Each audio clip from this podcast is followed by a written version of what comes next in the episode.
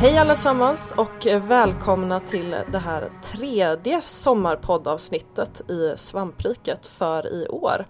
Och eh, den här gången så är det jag, Siri, som eh, ska hålla i Sommarpodden och eh, jag tänkte då prata om en ganska okänd eh, spelserie och med fokus på framförallt ett spel. Jag tror kanske eh, det inte är så många som har hört talas om det här tidigare. Men det är då alltså The Longest Journey Dreamfall. Och eh, med mig i det här poddavsnittet så har jag en eh, väldigt eh, speciell eh, gästpoddare. Eh, vi brukar inte ha gästpoddare i eh, eh sommarpoddavsnitten som standard men den här gången fick det bli så för att ja, jag känner ingen annan som tycker om den här spelserien eh, så mycket som jag som David Grundström. Hej och välkommen! Hej, tack så mycket! Hej! Eh, ja, eftersom du är en, eh, det blir, det blir lite gäst i den här podden då så tänkte jag om du skulle kanske kunna börja med att presentera dig själv lite kort. Mm, självfallet. Jag heter David Grundström, är skribent och podcastare på IGN Sverige. Eh, även roommate med Linus Svensson från Svampriket. Eh, så jag har ju gästat på, på andra plan inom Svampriket också, typ streams och eh, något kod ja, det är playthrough-grej. Ja. det är lätt att det blir en liten ankdamm, men eh, för ja, att jag, du, jag började ju skriva på IGN för några år sedan eh, för att vi träffades ute. Eh, på krogen. Det var ju en ganska speciell eh, berättelse också. Eh, ja, tycker jag i alla fall, som är ganska rolig. ja, det, det är lite småskämt. Vi, vi hade båda eh, pluggat religionsvetenskap på samma ställe. Och det var en sån här kick-off för det. Och så träffades ja. vi där. Hade inte gått klasserna tillsammans, så det var samma kurs. Eh, och så hörde jag att du pratade om jag vet inte ja. om det var du som pratade om det eller hur, hur det var. Men vi satt och snackade jättelänge om The Longest Journey. Ja precis, jag tror det började med att vi faktiskt började prata om World of Tanks. Eh, kommer inte ihåg varför, ytterst ja. oklart. Eh, och, men sedan så kom vi på att eh, båda hade spelat Dreamfall till att börja med. Jag tror att förutom min kära make så var du nog den första som jag träffade som överhuvudtaget visste vilken spelserie det var. Och så råkar det vara typ mina favoritspel någonsin. Ja, exakt. Och samma här. det är ju verkligen ett av mina favoritspel också. Och eh, ja. alltså hela det var ju väldigt, väldigt speciellt. Att man ja, råkar dricka lite öl med ett gäng och så helt plötsligt visar det sig att en i samma bord har hört talas om Dreamfall. Uh, och uh, anledningen, uh, jag vet inte hur det var med dig, men anledningen till varför jag började spela Dreamfall det var också för att jag hade sett på någon Goti-lista på någon spelsajt för massa år sedan att den hade vunnit eh, titeln Det bästa spelet som ingen spelade. Eh, det tycker jag är ganska talande för eh, Det är väl en ganska bra sammanfattning av, av hela serien? Ja, precis. Så att eh, om du som lyssnar eh, inte har spelat där innan så kommer vi förhoppningsvis få dig sugen på att kolla upp vad det är för någonting efteråt. För att, ja, jag håller med dig. Det är en väldigt bra sammanfattning av spelet i mm. allmänhet. ja, jag började inte spela det på grund av någon sån lista utan det, det, jag hade, har vänner som, som spelade och sa att det var så himla bra. Men mm. min första ja. kontakt med The Longest Journey var min eh, fostersysters dåvarande man hade en chippad Xbox med massa spel på och då fanns bland annat Dreamfall The Longest Journey på den. Eh, och jag spelade och jag tyckte, jag tyckte det verkade spännande men jag tyckte det var skittråkigt att spela. Eh, så jag fick återkomma till det här mycket senare och upptäcka ja. det på nytt. Alltså, så du, du, spelade alltså de här på Xbox? Eh, jag spelade Dreamfall som då är andra spelet. Ja. Eh, spel, spelade jag först på Xbox lite grann hos då mm. min, min fostersyster. Eh, men sen har jag ju spelat igenom, när jag faktiskt spelat igenom det har det varit på PC hemma hos mig själv. Ja, ja precis. Det, jag har bara spelat alla dem på PC. Mm. Eh, kanske någon så här gammal peka-klicka eh, spelare vana av någon anledning har jag fått för mig att det är bättre på PC. Fast det kanske inte är någon skillnad egentligen överhuvudtaget. Ja, nej. Det, alltså det, det är bara, bara Dreamfall mig veterligen som finns på en annan plattform på konsol. Då. Och det är inte lika mycket peka-klicka som eh, första spelet och nu eh, tredje episodbaserade. Nej precis, verkligen. De ju, går ju mer och mer från det. För det kanske vi ska säga att det här är alltså det andra spelet i en äventyrsspelserie om tre än så länge. Så Precis. det första spelet det var alltså då The Longest Journey och det kom 1999 och sen kommer då The Longest Journey Dreamfall eh, som det är det som vi ska lägga lite mer tyngd på och det kom mm. då 2006 och sedan 2014 så kom då Dreamfall Chapters. Så att första det här är boken i alla fall. Ja, första boken precis mm. och så kom ju den senaste nu i vår tror jag det var. Som... Jag tror det var juni till och med. Ja, juni till och med. Ah, mm. gud, jag ska inte prata alldeles för mycket om Dreamfall Chapters för där Nej. har inte jag riktigt hunnit spela klart det, så ska jag erkänna. Uh, ja, så att det här är ju en spelserie som har pågått ganska så länge kan man väl säga. Verkligen. Från 1999 till ja, i år. Och eh, det började ju då hos, eh, det är en norsk spelstudio eh, som har släppt det här. De första spelen, The Longest Journey och eh, The Longest Journey Dreamfall eh, släpptes då Funcom. Men nu, eh, det senaste Dreamfall Chapters släpps då av Red Thread Games och det är då alltså Ragnar Törnqvists egen. Mm. Det är han som har utvecklat alla spelen då. Precis. Och eh, jag läste någonstans att det är för att, alltså Funcom gav honom titeln eh, för att de vi, hellre vill fokusera på att göra online-spel tydligen. Mm. Efter eh, Dreamfall så eh, det spel de har gjort efter det, vad hette, vad hette det? Det var något konstigt MMO-spel som typ ska vara rätt, rätt, nice också. Men eh, ja. Jag kommer inte ihåg vad det hette. Skön grej att de gav över IPn utan någon fast liksom. Ja, precis att det inte fanns någon prestige i det mm. överhuvudtaget. Så kudos till dem. Precis. Ja, och eh, ja, som sagt, jag, jag, tänkte gå igenom ganska så här eh, systematiskt vad det är för spel. Just för att jag som sagt tror att en del som lyssnar kanske aldrig har hört talas om det tidigare så att eh, de får en liten trygg invaggning i det här. Och eh, ja, för er som inte har spelat det då tidigare, det är alltså ett eh, äventyrsspel eh, med vissa peka-klicka element, eh, väldigt mycket dialog. Eh, tror att The, The Longest Journey Dreamfall fick eh, en del kritik för att det inte var så mycket gameplay i en del element utan att det, ja, man bara jag, kan dras runt. Jag kan samtidigt tycka att det är för mycket gameplay jämfört med, med hur bara The Longest Journey eller Dreamfall Chapters är. Eh, där det är okay. mer fokus på just dialoger, karaktärer och kanske ja. lite peka-klicka-äventyr. Ja, ja men uh, okej. Okay. Eh, det är bara en känsla, eller är det något särskilt du tänkte ja, på? Ja, men det, det är i Dreamfall så försökte de implementera eh, typ fighting-moment och... Oh, de är massa... så laggiga. Ja, Förlåt. Nej, det stämmer. Eh, allt sådant är... Och så stealth-moment också, så det, de är inte så himla bra tyvärr. Eh, Medan det är ju historien man vill komma åt och man vill veta vad som hände med April Ryan som eh, är protagonisten i det första spelet, men ja. inte då i andra. Men, ja. ja, precis. Åh oh, gud, de här stealth och eh, fighting-elementen. Eh, lite roligt att de valde att ha kvar dem i Dreamfall Chaptersen eh, när det ju inte fick ett så bra mottagande till att börja med. ja. Så ja, eller stealthen tyckte jag ändå var helt okej faktiskt, ska jag säga. Det fighting-sekvenserna, de var så korta och jag vet inte, bara jättetråkiga.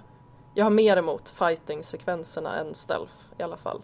Ja, precis. Och stealth-grejerna finns ju med också i chapters. Eh, ja. Det fungerar väl helt okej. Okay. Ja, ja, okej. Okay. precis, det är helt okej, okay, men det är inte därför man bara, åh, den här spelserien vill jag följa och tycker jag om direkt. Utan det är ju den fantastiskt välskrivna historien och eh, de välskrivna karaktärerna. Och eh, ja, jag tänkte faktiskt värma upp minnet lite genom att dra en liten sammanfattning av vad The Longest Journey Dreamfall handlar om just eftersom berättelsen är ett så stort fokus i spelet. Mm. Och eh, ja, som sagt så tar ju The Longest Journey Dreamfall vid där det första spelet The Longest Journey slutade. Och i det första spelet, som du sa eh, alldeles nyss, eh, så lär man ju då känna huvudprotagonisten April Ryan. Eh, och i Dreamfall så introduceras man nu för en ny hjälte och det är Zoe Castillo som är den eh, primära karaktären som man spelar. Eh, och hon lever ju då i någon slags framtid nära i staden Casablanca och ja, hon börjar ju hela spelet som ganska bortskämd och lite naiv. Och eh, ja, bortskämd snorunge. Ehm, man gör, det, det, man gör med henne i början är att man typ tränar och hänger mer eller mindre. Men eh, hon får ju då reda på ganska snabbt att hennes eh, ex-pojkvän eh, och nära vän Reza eh, som arbetar som journalist då har försvunnit under mystiska omständigheter och eh, när han har då undersökt det här stora Evil Big Corporation, eh, Vaticorp. Och eh, ja, med det som startpunkt då så dras då So in i ett äventyr eh, som såklart då visar sig vara ännu större än eh, det här att eh, Resa har försvunnit. Eh, hon inser att hon då är en shifter, eh, vilket är då att hon kan resa mellan sin egen värld som kallas för Stark och en parallell värld som heter Arcadia. Så att det finns alltså två parallella världar. Mm. Visst är det så att uh, Zoe är inte, för det är Zoe vi pratar om nu? Ja, precis. Ja, uh, hon är väl inte en shifter utan en dreamer? Dreamer, just det, precis. så är Gud förlåt, jag blandar för... alltid ihop dem. För hon måste ju ha den här eh, drömapparaten för att kunna uh, resa, eller hur? Mm. Ja, precis. Ja. och det, det, en, en fantasy, det är en fantasyvärld det här, eller, eller en värld som delas i två. En teknologisk och en magisk värld och man reser I... mellan dem. Och April Ryan är en sån här shifter som då faktiskt fysiskt lämnar ja, Star ja, Arcadia. Det. Just det, tack för, tack för äh, rättelsen. Så är det ju såklart. och äh, ja, exakt. Arcadia är ju den här fantasyvärlden, äh, någon slags medeltida engelsk by med kullerstenar, gator, allt är magiskt. Ja, ja men tänk liksom liknande spel i genren, typ Fable. Um, ja, var det första som jag kom att tänka på. Väldigt så här, klassisk fantasyvärld. Um, och Stark är då den här teknologiska världen som Zoe Castillo då uh, bor i. Um, men den är ju på nedgång i uh, The Longest Journey Dreamfall. Uh, när man spelar som April Ryan i det första spelet så är allt ganska städat och fint. Men så händer ju saker i det första spelet då som gör att allt är ju lite mer nedgånget eh, den här gången helt enkelt. I alla fall så tillsammans så skapar ju då de här två världarna en nödvändig balans i universum eh, som då Zoe måste hjälpa till att upprätthålla. Och eh, såklart så finns det ju folk eh, på båda, i båda världar då som vill motarbeta det här och eh, det är en eh, tvåvärldsomspännande konspiration. Eh, så att det finns ju en hel del fantasyinslag och så finns det en hel del sci-fi konspirationsinslag kan man säga i det här spelet. Och, ja, verkligen.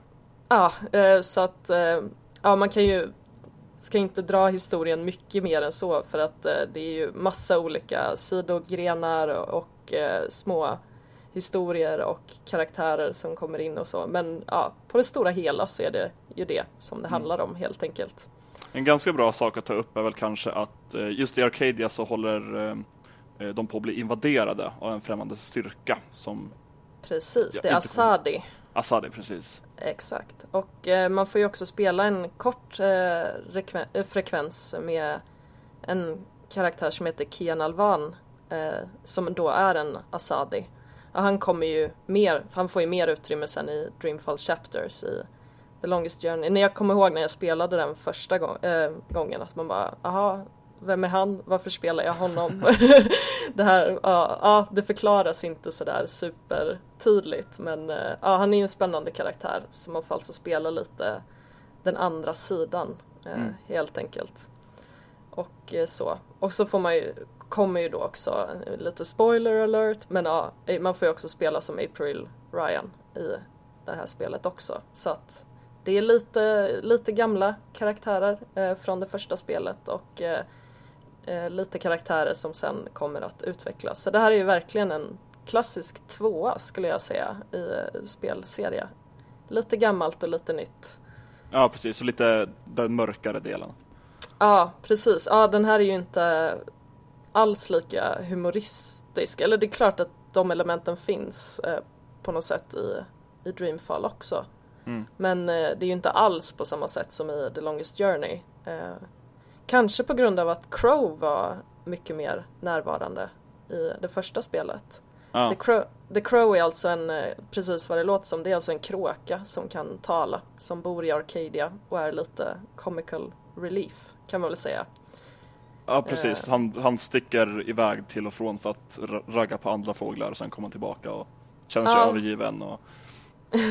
precis. Och det är ju verkligen han som står för mycket av det där uh, ja, humorn i spelen skulle jag mm. säga.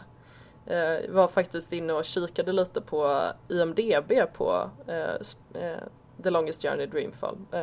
Mest bara för att kolla runt lite och alla citaten som de hade där på den sidan var ju från Crow.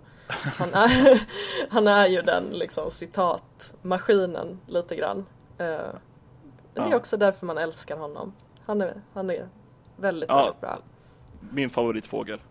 Ja, min favoritfågel. Och då gillar jag verkligen inte fåglar eh, i allmänhet. Men, men The Crow, han, han har ett litet undantag i mitt hjärta. Och eh, ja, jag tänkte ju också, vi pratade ju lite om det innan, men just eh, varför just fokus hamnar på den här nummer två. Eh, och min anledning till varför jag kanske mest vill prata om just The Longest Journey Dreamfall, väldigt lång titel men ja, för att förtydliga det, för att alla titlar är ju väldigt lika varandra, eh, så är det ju kanske på grund av att det var i alla fall det första spelet jag spelade, så jag spelade ju dem inte i ordning. Eh, så kanske att jag därför upplever den som viktigast eh, för mig själv. Ja. för att då var det den här stora liksom, upptäckten på något sätt att wow, jag upptäckte det här spelet. Eller ja, wow, vilken fantastisk värld. Eh, och det funkar ju verkligen att spela, tycker jag i alla fall, det här The Longest Journey Dreamfall utan att ha spelat The Longest Journey. Ja, Eller verkligen. håller du med? Ja. Eh, absolut. absolut. Jag, jag, tycker det är likadant också i Dreamfall Chapters, att de har gjort det ganska tydligt som att det finns mycket att hämta från gamla spel och du kan få den viktigaste informationen i början av, av varje spel också, ifall mm. du inte har spelat dem tidigare. Eh, men de fungerar absolut som standalones. Ja, absolut. Så att, eh, ja, kanske eh, därför, så det går ju alltså att prata om tvåan utan att eh, ja. liksom nämna dem i ordning. Eh, Men det, är, ja. Eh, är det Dreamfall som är ditt favoritspel alltså, av de tre? Ja, eh, ja. absolut. Um, kanske mm. just på grund av att det var det första, att eh, det blir lite påverkat av det helt enkelt. Ja. Att eh, den här världen som man upptäcker som känns Just eftersom jag upptäckte den just genom det här the best game that no one played. Att eh, det kändes som att man hade fått ta del av en liten hemlighet på något sätt. Att man fick vara med i klubben? Ja, ah, exakt. Eh, members only-klubben. Precis. Min, min personliga favorit är första The Longest Journey och det är kanske samma sak där. Det var också första jag spelade från, från början till slut. Men mm. det är någonting med det. Det är ett ganska klassiskt peka-klicka eh, enkel 3D-grafik och väldigt stela polygoner. Men ja. eh, någonting med att de lyckas göra ganska stor berättelse av väldigt små medel och att de har så pass eh, annorlunda och, och spridda karaktärer som fungerar så himla bra och det, det, känns inte allt känns utmanande men samtidigt naturligt på något sätt. Ja, och det precis. fortsätter ju genom hela serien sen. Ja, det är verkligen en eh, del till varför spelet är, eh, spelen är så fantastiskt bra tycker jag också. Att de lyckas med ganska små medel eh, för att det är som sagt en ganska liten norsk spelstudio. Mm. Men att de ändå lyckas få det att verka så himla grandiost på något sätt. Att det som de kanske inte har haft i grafiken alla gånger att eh, de har kunnat ha Uncharted 4 grafik direkt eh, har de ju ta verkligen tagit igen i att eh, berättelserna är ju så grandiosa och eh, ja men som jag sa tidigare det här med konspirationer och det är resa genom världar och det är att eh, rädda de här världarna och det är massa olika karaktärer eh, med väldigt olika personlighet och utgångslägen och ja det är verkligen eh, så att, eh, därför, eller en av anledningarna till varför jag tycker spel, spelserien i stort är ju fantastiskt. Men eh, du föredrar alltså The Longest Journey framför Dreamfall? Ja, det gör jag. Är, är April Ryan lite bättre än Zoe? Hon är ju det. Varför då? det, det är nånt, April Ryan är ju lite mer av, vad ska vi säga, arbetarklassflicka. Hon har flytt från sina föräldrar, för hon kommit överens med dem, flyttat till den stora staden. Eh, och Mm. eh, försöker klara sig själv där och sen snubblar hon in på det här stora äventyret. Och det är någonting med hennes, hon så här, blir stor revolutionsledare. Det är, hon, mycket med henne som jag tycker är väldigt coolt. Jag tycker om Zoe jättemycket också, men av karaktärsgalleriet och huvudkaraktärer så är det ändå April Ryan som är min för alltid. Det är intressant att du säger det faktiskt. Jag har inte tänkt på det innan. Att eh, April Ryan och, eh, är ju verkligen arbetarklasskaraktären eh, eh, Mm. och Zoe är ju den här bortskämda, i alla fall i början, bortskämda snorungen med ja, någon övre medelklass eh, bakgrund med frånvarande föräldrar. Eh, Ja. men som har ganska bra ekonomiskt ställt helt enkelt. Ehm, Men det som är så roligt med båda är ju att de är ju så väldigt ofrivilliga i sina hjälteroller. Det kan jag verkligen uppskatta hos båda karaktärerna. Ja, verkligen. Det gör ju de verkligen, de gör, gör dem väldigt mänskliga tycker jag. Att, Mm. eh, ja, man, vem vill, vem orkar vara en hjälte liksom egentligen med handen på hjärtat. Det, det kanske inte är så att man alla, ja men du vet, Sagan om ringen bara, nu ska jag ta på mig det här och allt är så här ärorikt och eh, jag har eh, helt säker på att jag vill det här, la la la la la. Ut på Ja. det stora questet på något sätt. Precis, Utan- istället är de snarare på, på fel plats vid fel tillfälle. Eller rätt plats vid rätt tillfälle om man vill se det från Exakt. sidan.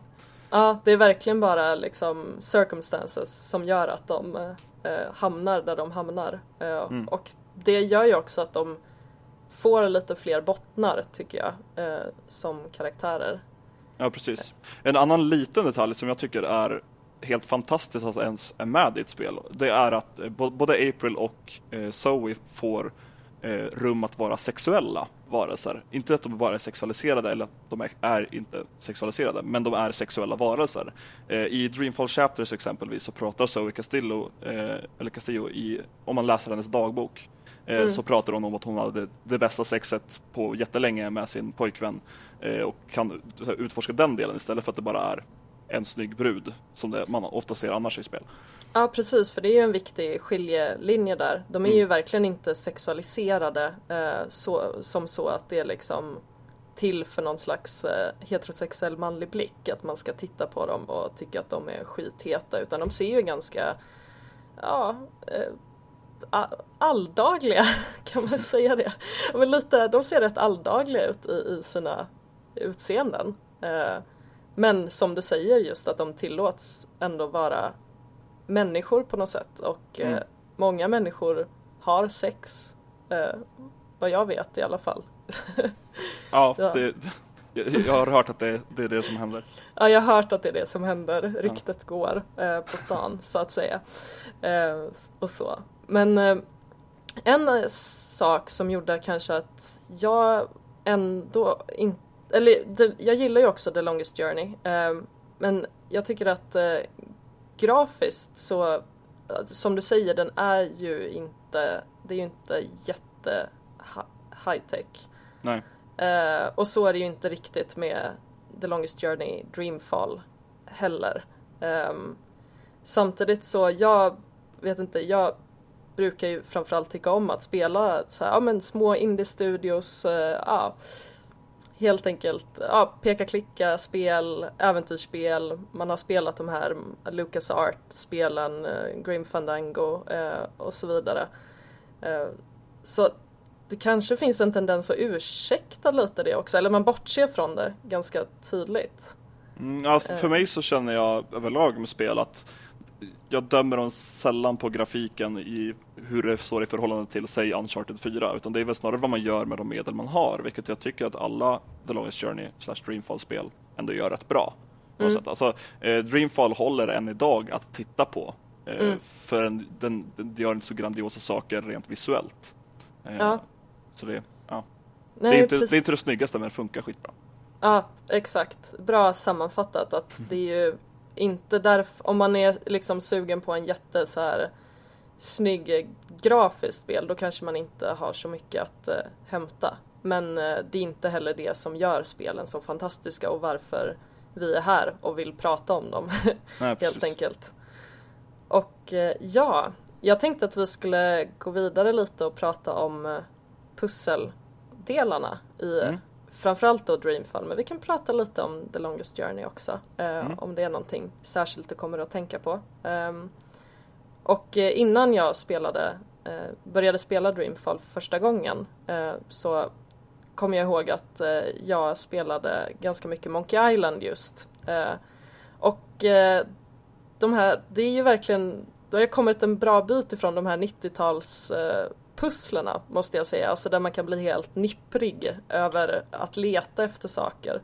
Att kombinera två dumma föremål för att öppna ett annat dumt föremål och sen det var skämtet. Typ. Exakt, jag kommer ihåg, eh, ja, det var någon gång, eh, jag kommer inte ens ihåg vilket av Monkey Island-spelen det var, men då var det på riktigt, alltså det var ett litet gruskorn mer eller mindre, en liten pebble som man skulle hitta och den syntes liksom inte på skärmen. Man skulle bara råka vara på rätt ställe och dra musen över rätt ställe på marken så skulle man hitta det och där, alltså ingen prestige i att äh, erkänna det här äh, men jag, där fick jag verkligen kolla walkthrough. Alltså det, det funkar inte. Men så är det absolut inte i, i Dreamfall. Där är det ju ja, och, och i The Longest Journey, det flyter på ganska bra, tänker jag. Även om man kanske skulle vara rätt ovan med den typen av pussel och spel.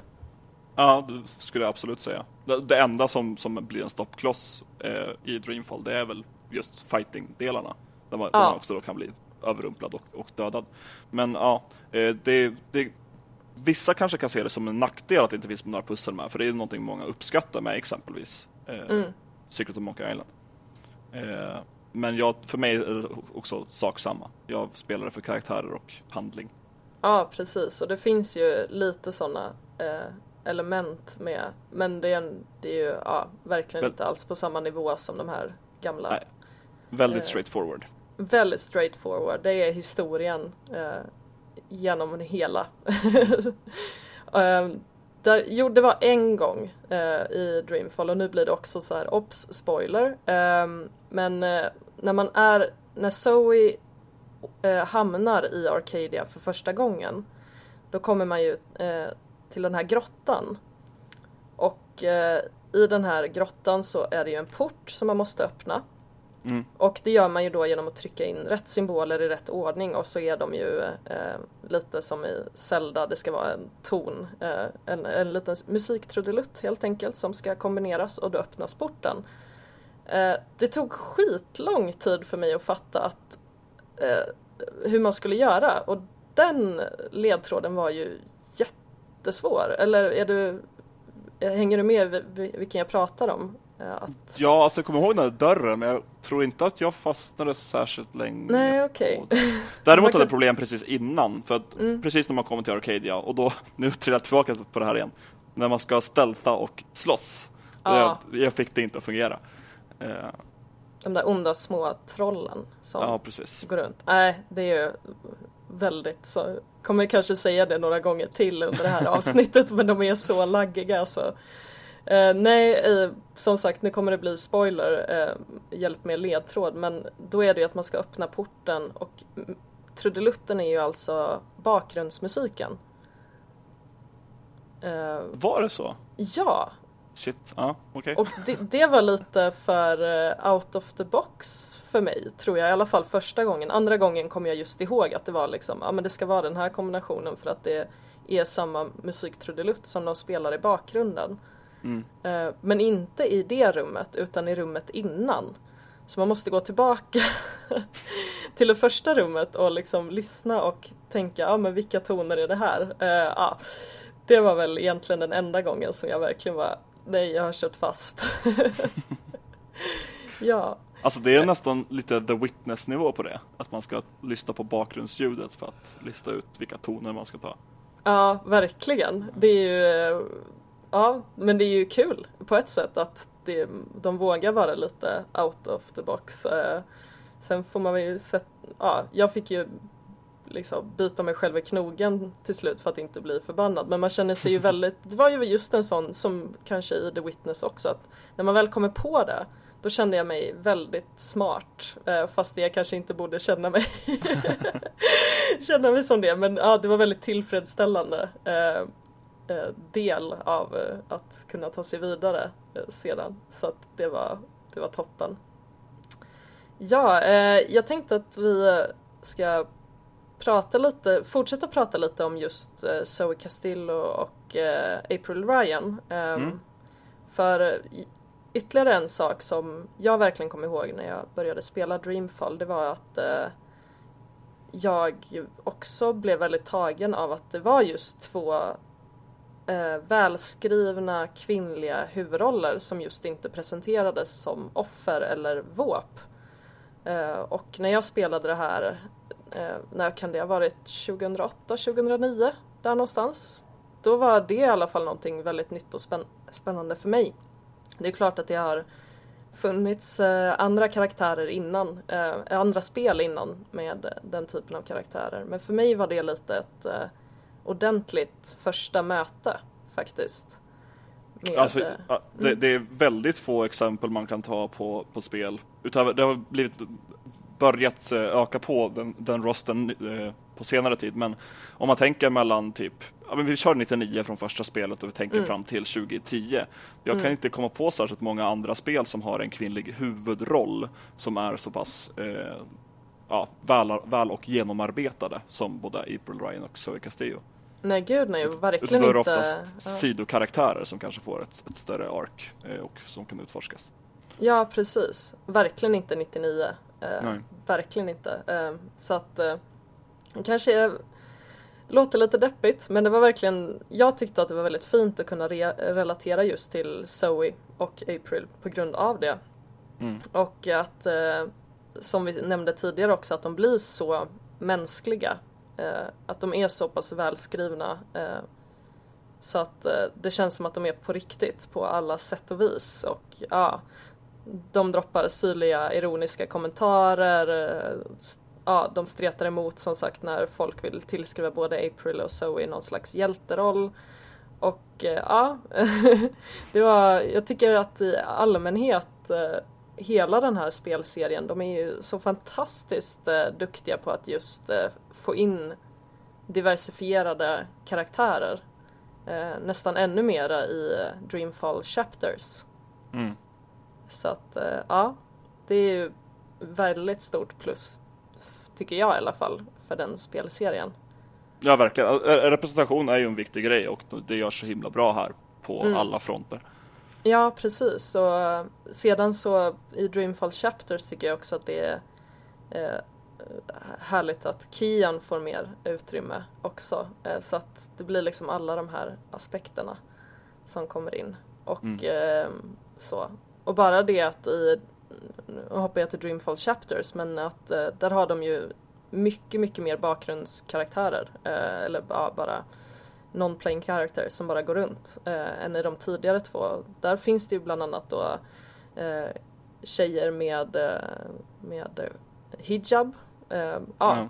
till exempel. Jag kan inte komma på särskilt många andra spel där eh, kvinnor med hijab överhuvudtaget finns representerade. Nu är det ju synd att de såklart bara är eh, på något sätt bakgrundsstatister men eh, ja, det säger ändå ganska mycket tycker jag om eh, hur, Ragnar Törnqvist och Red Thread och Funcom tänkte kring det här. Ja, Ja, precis. ja. Eh, något att tillägga? Ja, det tänkte jag lite på hi- hijab-spåret där. I Dreamfall Chapter så finns det också, i första boken har man möjlighet att välja mellan två olika jobb som då påverkar eh, handlingen längre fram. Och Chapter kör ganska mycket med så här val Mm. som påverkar längre fram, som, som är så populärt nu för tiden. Men ett Mm. av de där jobben, om jag inte är helt fel, när man är biokemist, så eh, ens chef där är muslim, om jag inte Mm. glömt bort det här helt och hållet. Så hon är inte hijab, men eh, det, det finns ändå någon form av re- representation i en karaktär med, med lines. Ja, precis. Och ja, det ju, finns ju, i Dreamfall Chapters har de ju verkligen gått eh, all in med att eh, få med så många representerade som möjligt. Eh, har ju även hbtq-personer i Dreamfall Chapters. Ja, precis. Även i The Longest Journey, den andra karaktären du stöter på är, så här, visar sig att hon är eh, det, mamman på så här, ett boarding house där man bor som April Ryan. Eh, eller mamman, ägaren av det, som då Mm. är, i, i ett eh, förhållande med en annan kvinna. Och de bara pratar om det ganska casual. Ja, Eh, just det. Det hade jag helt glömt bort, måste jag erkänna. Men det stämmer ju. Och, Ja, och det är ju 99. Eh, Så att, ja, det har ju verkligen också funnits med som en röd tråd. Red Thread. Haha, precis. Det var medvetet. Eh, eh, Så ja, verkligen. Det är ju ytterligare en toppen-grej, tycker jag, Mm. med de spelen. Och ja, eh, jag tänkte att eh, ja, inför den här podden så har jag då plockat fram lite konstiga trivia om spelet, eh, eller spelen egentligen, som jag tänkte att vi kunde ja, diskutera lite om. Så jag tänkte att jag nämner lite olika trivia och så eh, pratar vi lite om det utifrån de, de olika små eh, konstiga detaljerade kunskaperna som tydligen ja, som finns om de här spelen helt Mm. enkelt. Och eh, ja, det första eh, Tydligen så hade alltså Ragnar Törnqvist historien med Dreamfall Chapters färdig när Dreamfall släpptes så att eh, tio år eh, tog det att göra den historien verklighet. Så att 2006 så hade han alltså fortsättningen för Dreamfall färdigt. Mm. Och eh, ja, en grej jag tänker när jag hör det är att och som jag kände utan att veta det här innan var ju att man har ju extremt höga förväntningar på ett spel när man får vänta tio år. Eh, och eh, ja, hur kände du inför det? Hade du höga förväntningar inför Dreamfall Chapters? Eh, ja, det, det måste jag väl säga ändå. Mm. Och jag tycker att de har levt upp ganska mycket till förväntningarna. Utöver att det är ganska instabilt spel som Ja. kraschar ofta och det, det finns lite här och där. Ja, Men- precis. Men, men gällande det här, alltså jag, jag, jag, jag känner till Dreamfall Chapters innan den här kampanjen kom, för jag har ju läst ganska mycket och försökt ta reda på när kommer en uppföljare. Eh, Mm. och jag, jag tror att det berodde på ganska mycket att uh, utve, eh, utvecklingen av, av Dreamfall, andra spelet, eh, hade ganska mycket problem under utvecklingen. Det därför det tog så pass lång tid också mellan The Longest Journey och Dreamfall. Mm. Eh, och att det därför klipptes bort en del av storyn för de inte riktigt hann med. Så jag tror det fa- fanns så himla mycket planerat för att inte komma i originalspelet.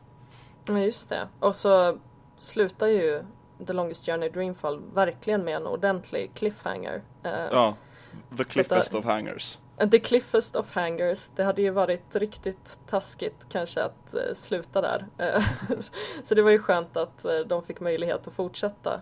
Ja. Jag läste också att de ska eh, tydligen göra en fortsättning på April och hennes historia eh, som ska heta väldigt vaga källor. Eh, men The Longest Journey Home ska den Mm. heta. Har du hört någonting mer om detta? Eh, nej, inte något mer än, Nej, än så. det känns som att de inte har, de har bara sagt att det här ska hända, men inte så mycket mer. Ja, för Dreamfall var ju meningen att det var en spin-off på The Longest Journey. Mm. Eh, för, för en separat historia. Sen har det tagit huvudfokus nu då det har fått två spel. Ja, precis. Det fick väl sitt stora genomslag just genom, genom eh, Dreamfall som Mm. ju sa är då någon slags, eller det är ju en spin-off helt enkelt. Mm. Men ja, du som gillar April. det kanske ser ännu mer fram emot när det blir verklighet, vem vet? ja, eller ja, lika mycket kanske. Lika mycket, ja det var diplomatiskt svarat av dig. ja, okej nästa trivia då. Eh, Asadi, som ju då alltså är eh, de skurkarna i Arcadia eh, som styr Arcadia med järnhand. Det kommer ju tydligen då från det persiska ordet för frihet. Eh, vilket ju då blir ganska ironiskt med tanke på hur hårdföra eh, Asadis är i, i Arcadia. Mm. Eh, och tydligen så finns det ett eh, torn i Teheran i Iran då som byggdes 1971 med samma namn. Och eh, ja, då började jag fundera lite på är det någon slags inbyggd politisk statement eh, eller ja, hur politiskt är Dreamfall egentligen? Ja, alltså jag skulle vilja säga att det är väldigt politiskt. Eh, mm. Och nu tänker jag mest på chapters, men det finns även i Dreamfall. Eh, mm. För exempelvis eh, när man är i Stark, den, våran värld, eller den teknologiska världen i, i The Longest Journey-universet. Uh, i, I Dreamfall Chapter så är det en pågående kampanj om en ny, val till ny ledare i staden man är i, som jag inte kommer mm. ihåg vilken, vilken det är. Uh, och då finns det, den som får mest stöd är typ uberfascist och man ser så här fascistiska mm. rörelser som, som eh, håller på att börja gro i, i eh, ja, vår värld. Och det är mm. ju ganska mycket i parallell med hur det ser ut, kanske främst i Europa men även med Trump på USA-sidan idag. Ja, ja absolut och sedan så blir det ju intressant också för att i, i för, eh, första Dreamfall så händer ju det lite grann fast i Arcadia och sen kan mm. man säga att det på något sätt hoppar över till eh, Stark då och då ja. blir det ju att man, eh, som du säger, det blir tydligare i Dreamfall Chapters nästan att eh, det här går att dra paralleller till i vår egen värld. Eh, ja, för att, av naturliga skäl, för att Stark är på något sätt vår egen värld. Alltså, man kanske kan spinna vidare på det här ännu mer om man tänker på Assadi-delen. För det är då en, en, en religiös grupp eh, som har typ massa mm. High Priestess som, som leder och de verkar vara rätt reko eh, mm. i sig. Däremot så är det en liten avstickargrupp som försöker ta kontrollen Mm. Eh, som, som är de, vad ska jag säga, de riktiga bad guysen. Ja, precis. Eh, och att det, på något sätt kan vara en form av skildring av islam som vi målar upp som en stor skurk ofta i, i, i väst. Eh, mm. Medan det snarare är då kanske en liten grupp som piggybackar på en hel religiös rörelse. Mm. En liten grupp extremister helt Precis. enkelt. Som, eh, och det är ju därför också det är så fint just att man får spela Kian för att han på något sätt får ju också visa den här andra sidan. Han börjar ju liksom i, i den här då lilla extremistgruppen. Eh, eh, mm. och, eh, men sedan så händer ju saker som gör att han ja, han börjar träffa människ äh, människor och, och, olika varelser utanför den här lilla bubblan och till slut så ändrar han ju sig. Ja. Och ja, nu blir det ju, det här sommarpoddarna är ju bara fyllda med spoilers men då kastas han ju i fängelse för det. Eh, så att han blir ju någon form av nästan politisk fånge. Mm. Så och att, eh, gått från att vara typ den högst rankade eh, krigaren i den här rörelsen till att bli mm. Så bespottad. precis. det är ju verkligen någonting som är ja, verk, väldigt, väldigt fångande tycker jag med den här. Så jag håller med dig, jag tycker att Dreamfall eh, serien i helhet men framförallt chapters egentligen är ju det går ju att tolka in väldigt mycket politik i, i allt såklart. Mm. Men eh, jag tycker vissa element här är ju väldigt, väldigt tydliga. Och eh, ja, just det att det finns ett torn i Teheran eh, och det finns ett torn i Arcadia som Asadis bygger. Ja, det känns som att de har plockat lite samtidshistoria där eh, och gjort det till med sin egen twist på något mm. sätt. Verkligen. Yes. Eh, nästa trivia. Eh, det finns ju som sagt stealth-element. ja, gud, ja. De var inte toppenbra. Och de blev ju väldigt kritiserade i The Longest Journey Dreamfall när det kom 2006 och tydligen så lovade ju då Ragnar Törnqvist att det inte skulle återkomma i Dreamfall Chapters. Men det gjorde det ändå. Eh, och eh, tydligen så kan man ju till och med då låsa upp en achievement eh, om man blir upptäckt tydligen under en stealth-sekvens i, i Chapters med namnet I thought there wouldn't be stealth. Möjlig diskussion. Varför envisas med grejer som folk ogillar? Helt enkelt. Varför? Varför har, fortsätter de med stealth i Dreamfall Chapters? Ja, det är väl kanske för att bygga upp någon form, sorts spänning i spelet. Ja. Men ja, nej de är inte bra. De, de, är bättre ska jag säga i Chapters men de är inte bra där heller. Och ofta tycker jag att det sabbar pacen. Ja. Jag, jag, jag, jag, kan inte svara på det här, det är, det är dumt. ja, det är Men, dumt. Samtidigt är frågan hur man skulle ha gjort det här utan ställt. Mm. Eh, när, när det ändå är partier där man smyger runt och så skriva bort det helt och hållet och det känns som att det skulle förtära lite på historien. Ja. Kanske, jag vet inte. Ja, det är ju verkligen, det är ju inte en helt enkel fråga att besvara. Mm. Eh, men det är ju, du har ju säkert rätt. Det måste ju vara någonting att de har känt att vi måste ha kvar det här. Eh, fast fan, nu har vi lovat att vi skulle ta bort det. Men det funkar inte utan. Ah, ja, eh, lyckligtvis så är det ju inte supermycket ändå. Eh, så att eh, man kan väl ursäkta dem för ja. det kanske. Yes, är du redo för den sista trivian? Min kropp är redo. Din kropp är redo. Eh, vi nämnde ju lite Kian eh, och han är ju en ganska åsidosatt karaktär i The Longest Journey Dreamfall som sagt men får mm. då mer utrymme i Chapters. Eh, och i Chapters så säger han ju att han inte är intresserad av kvinnor. Och tydligen så var det jätteförvirrande för vissa att Red Thread fick gå ut och konfirmera att jo, Kian är homosexuell. Och Obs! Källa internet. Eh, jag hittade inte det grunduttalandet från dem. Men tydligen så fick de gå ut och ja, bekräfta att eh, ja, Kian Alvan är homosexuell.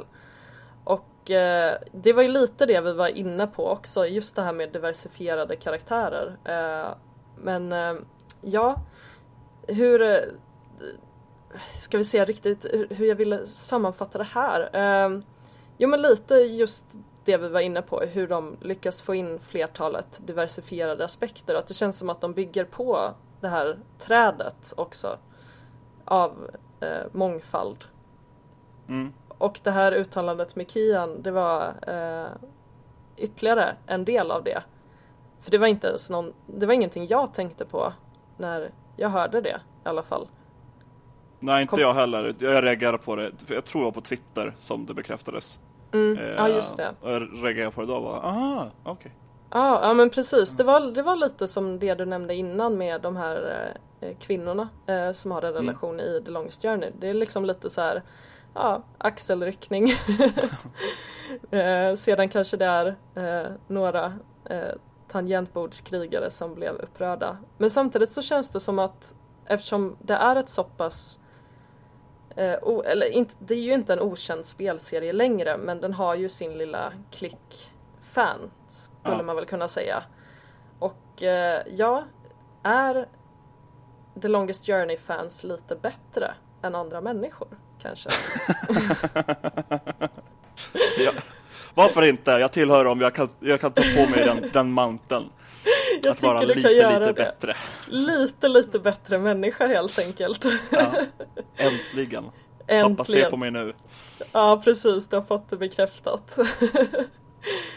ja, eh, och eh, om du inte hade någonting mer som du ville flika in om det här fantastiska, underbara eh, spelet så tänkte jag faktiskt att vi ska runda av nu med ja. det här tredje avsnittet av Svamprikets sommarpodd. Och eh, ja, det var ju som sagt, det är ju avsnitt tre och eh, jag som har eh, eh, sommarpoddat den här gången heter ju då Siri Hallberg Söderström och eh, med mig så har jag haft David Grundström. tack så mycket för att du ville komma hit. Tack så mycket för att jag fick vara med. Ja, eh, jättekul att ha dig här. Eh, vi får ses snart över en öl och fortsätta prata om Dreamfall och eh, kanske framförallt Dreamfall Chapter som jag med handen på hjärtat inte riktigt har hunnit spela klart alla episoder än. Vi får Men... båda spela klart det så pratar vi om det sen. Precis, kanske, kanske ytterligare ett poddavsnitt efter det, vem vet? Vem vet? vem vet? Okej. Okay. Ja, eh, tack så jättemycket. Ha en trevlig sommar alla lyssnare och eh, hej då! Hej då!